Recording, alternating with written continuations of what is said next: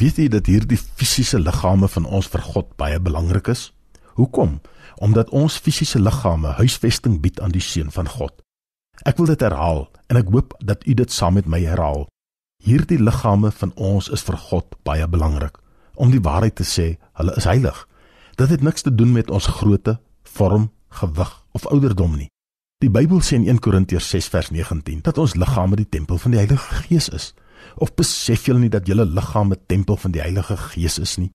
Julle het die Heilige Gees wat in julle woon van God ontvang en julle behoort nie aan julleself nie. Dit is omdat die Here Jesus Christus deur middel van die Heilige Gees ons liggame bewoon. Die Seun van God leef nou binne in ons. En omdat Jesus Christus nou binne in ons woon, beteken dit dat ons liggame heilig voor God is.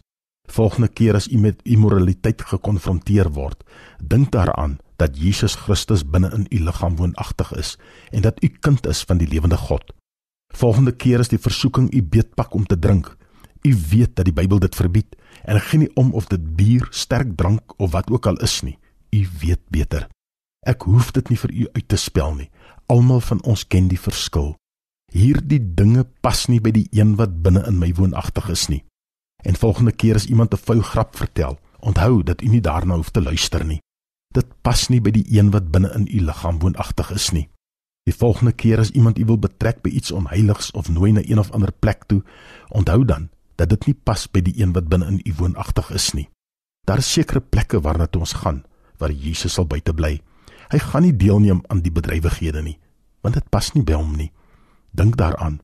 Jesus Christus die seun van God het gekies om binne in ons te woon totdat hy kom om ons huis toe te neem. Dit is hoekom ons liggame vir God so spesiaal is. Ons leef in 'n tyd waar daar net eenvoudig geen respek meer vir mense lewe is nie. Maar ek wil iets vertel, my liewe vriend, my liewe vriendin. As iemand die liggaam van 'n ander persoon beskadig, dan val hulle die tempel van God aan en hulle sal gestraf word deur hom wat daardie liggaam bewoon. Ons het so onbesorgde don't care gesindheid teens God. Die TV is vol daarvan. Die rolprente is vol daarvan. Ek wil u daaraan herinner dat u deur die lewe wat u lei, die naam van God beswadder. En u gaan eendag voor hom staan en rekenskap gee. Hy sê in Matteus 12 vers 36 dat ons verantwoording gaan doen vir elke woord wat oor ons lippe gaan. Nie sommige nie, maar elke woord. Dit sê ek vir julle, van elke ligsinnige woord wat die mense sê, sal hulle rekenskap moet gee op die oordeelsdag. Omdat Jesus Christus die seun van God is, is dit genoeg rede om my aan te vuur, om hom te prys en te loof en te aanbid en te eer en lief te hê. Hy verdien dit nie net nie, maar as my hart reg ingestel is, sal ek ook nie met hom redekawel nie. Ek eer U Vader, Seun en Heilige Gees. Amen.